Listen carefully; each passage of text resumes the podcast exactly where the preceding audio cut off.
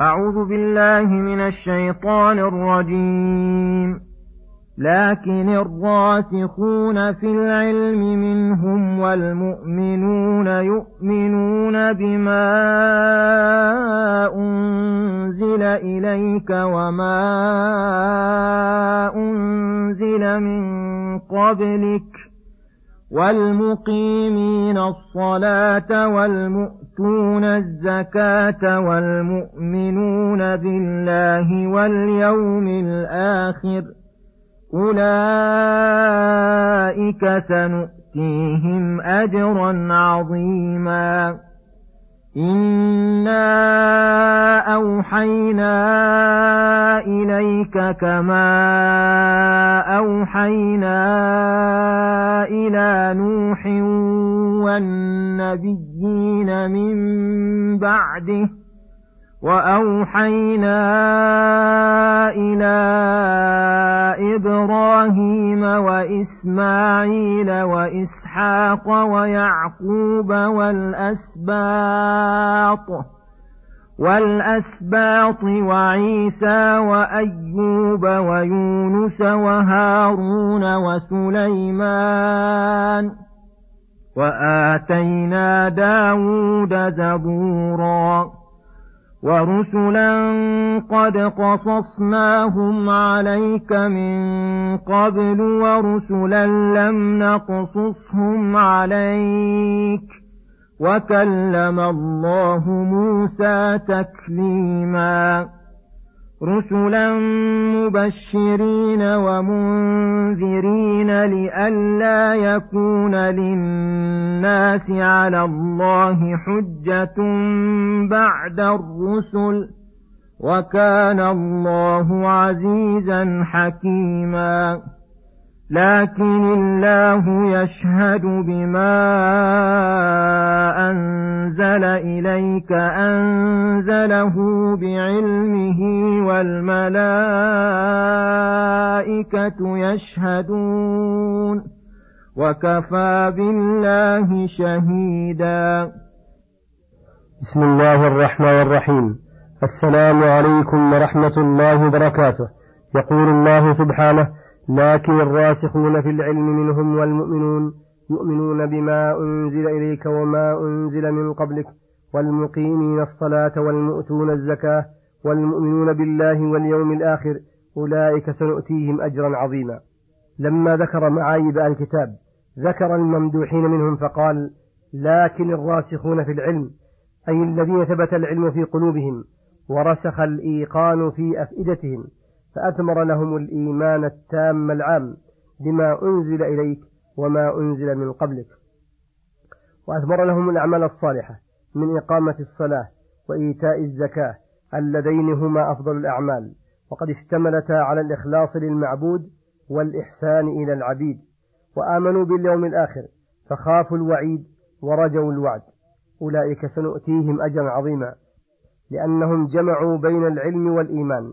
والعمل الصالح والإيمان بالكتب والرسل السابقة واللاحقة. ثم يقول سبحانه إنا أوحينا إليك كما أوحينا إلى نوح والنبيين من بعده أوحينا إلى إبراهيم وإسماعيل وإسحاق ويعقوب والأسباط وعيسى وأيوب ويونس وهارون وسليمان وآتينا داود زبورا. الآيات. يخبر تعالى أنه أوحى إلى عبده ورسوله من الشرع العظيم والأخبار الصادقة ما أوحى إلى هؤلاء الأنبياء عليهم الصلاة والسلام. وفي هذا عدة فوائد. منها أن محمدا صلى الله عليه وسلم ليس ببدع من الرسل بل أرسل الله قبله من المرسلين العدد الكثير والجم الغفير فاستغراب رسالته لا وجه له إلا الجهل والعناد. ومنها أنه أوحى إليه كما أوحى إليهم في الأصول والعدل الذي اتقوا في الذي اتقوا عليه.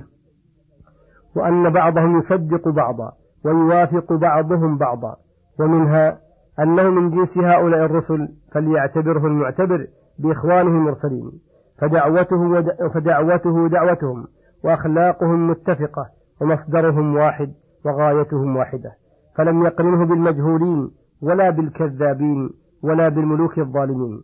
ومنها أن في ذكر هؤلاء الرسل وتعدادهم من التنويه بهم والثناء الصادق عليهم وشرح أحوالهم مما يزداد به المؤمن إيمانا بهم ومحبة لهم واقتداء بهديهم واستنانا بسنتهم ومعرفة بحقوقهم ويكون ذلك مصداقا لقوله سلام على نوح في العالمين سلام على إبراهيم سلام على موسى وهارون سلام على إلياسين. إنا كذلك نجزي المحسنين. فكل محسن له من الثناء الحسن بين الأنام بحسب إحسانه. والرسل خصوصا هؤلاء المسمون في المرتبة العليا من الإحسان ولما ذكر اشتراكهم بوحيه ذكر تخصيص بعضهم فذكر أنه آتى داود الزبور وهو الكتاب المعروف المزبور الذي خص الله به داود عليه السلام لفضله وشرفه. وأنه كلم موسى تكليما أي مشافهة منه إليه لا بواسطة حتى اشتهر بهذا عند العالمين فيقال موسى كليم الرحمن. وذكر أن الرسل منهم من قصه الله على رسوله ومنهم من لم يقصصه عليه وهذا يدل على كثرتهم وأن الله أرسلهم مبشرين لمن أطاع الله واتبعهم بالسعادة الدنيوية والأخروية ومنذرين من عصى الله وخالفهم بشقاوة الدارين. لئلا يكون للناس على الله حجة بعد الرسل فيقول ما جاءنا من بشير ولا نذير قل قد جاءكم بشير ونذير. فلم يبق للخلق على الله حجة لإرساله الرسل تترى يبين يبينون لهم أمر دينهم ومراضي ربهم ومساخطه وطرق الجنة وطرق النار. فمن كفر منهم بعد ذلك فلا يلومن إلا نفسه وهذا من كمال عزته تعالى. وحكمته أن أرسل إليهم الرسل وأنزل عليهم الكتب وذلك أيضا من فضله وإحسانه حيث كان الناس مضطرين إلى الأنبياء أعظم ضرورة تقدر فأزال هذا الاضطرار فله الحمد والشكر ونسأله كما ابتدأ علينا نعمته بإرسالهم أن يتمها بالتوفيق لسلوك طريقهم إنه جواد كريم.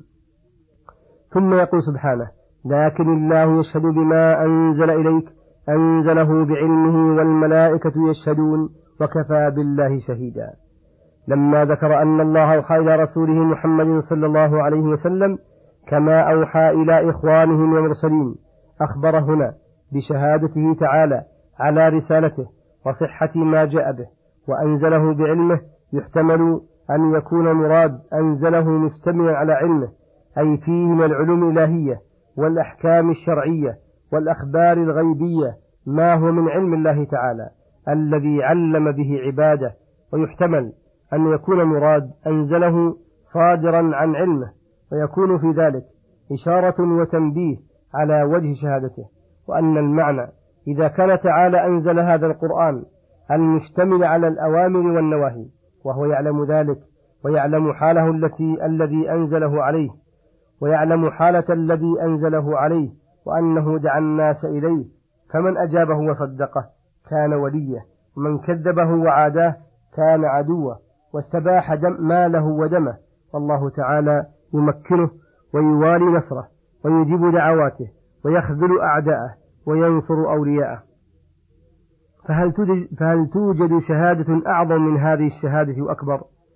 ولا يمكن القدح في هذه الشهادة إلا بعد القدح بعلم الله وقدرته وحكمته. وإخباره تعالى بشهادة الملائكة على ما أنزل على رسوله لكمال إيمانهم ولجلالة هذا المشهود عليه فإن الأمور العظيمة لا يستشهد عليها إلا الخواص. كما قال تعالى في الشهادة على التوحيد شهد الله أنه لا إله إلا هو والملائكة وأولو العلم قائما بالقسط لا إله إلا هو العزيز الحكيم. وكفى بالله شهيدا وصلى الله وسلم على نبينا محمد وعلى آله وصحبه أجمعين وإلى الحلقة القادمة غدا إن شاء الله والسلام عليكم ورحمة الله وبركاته.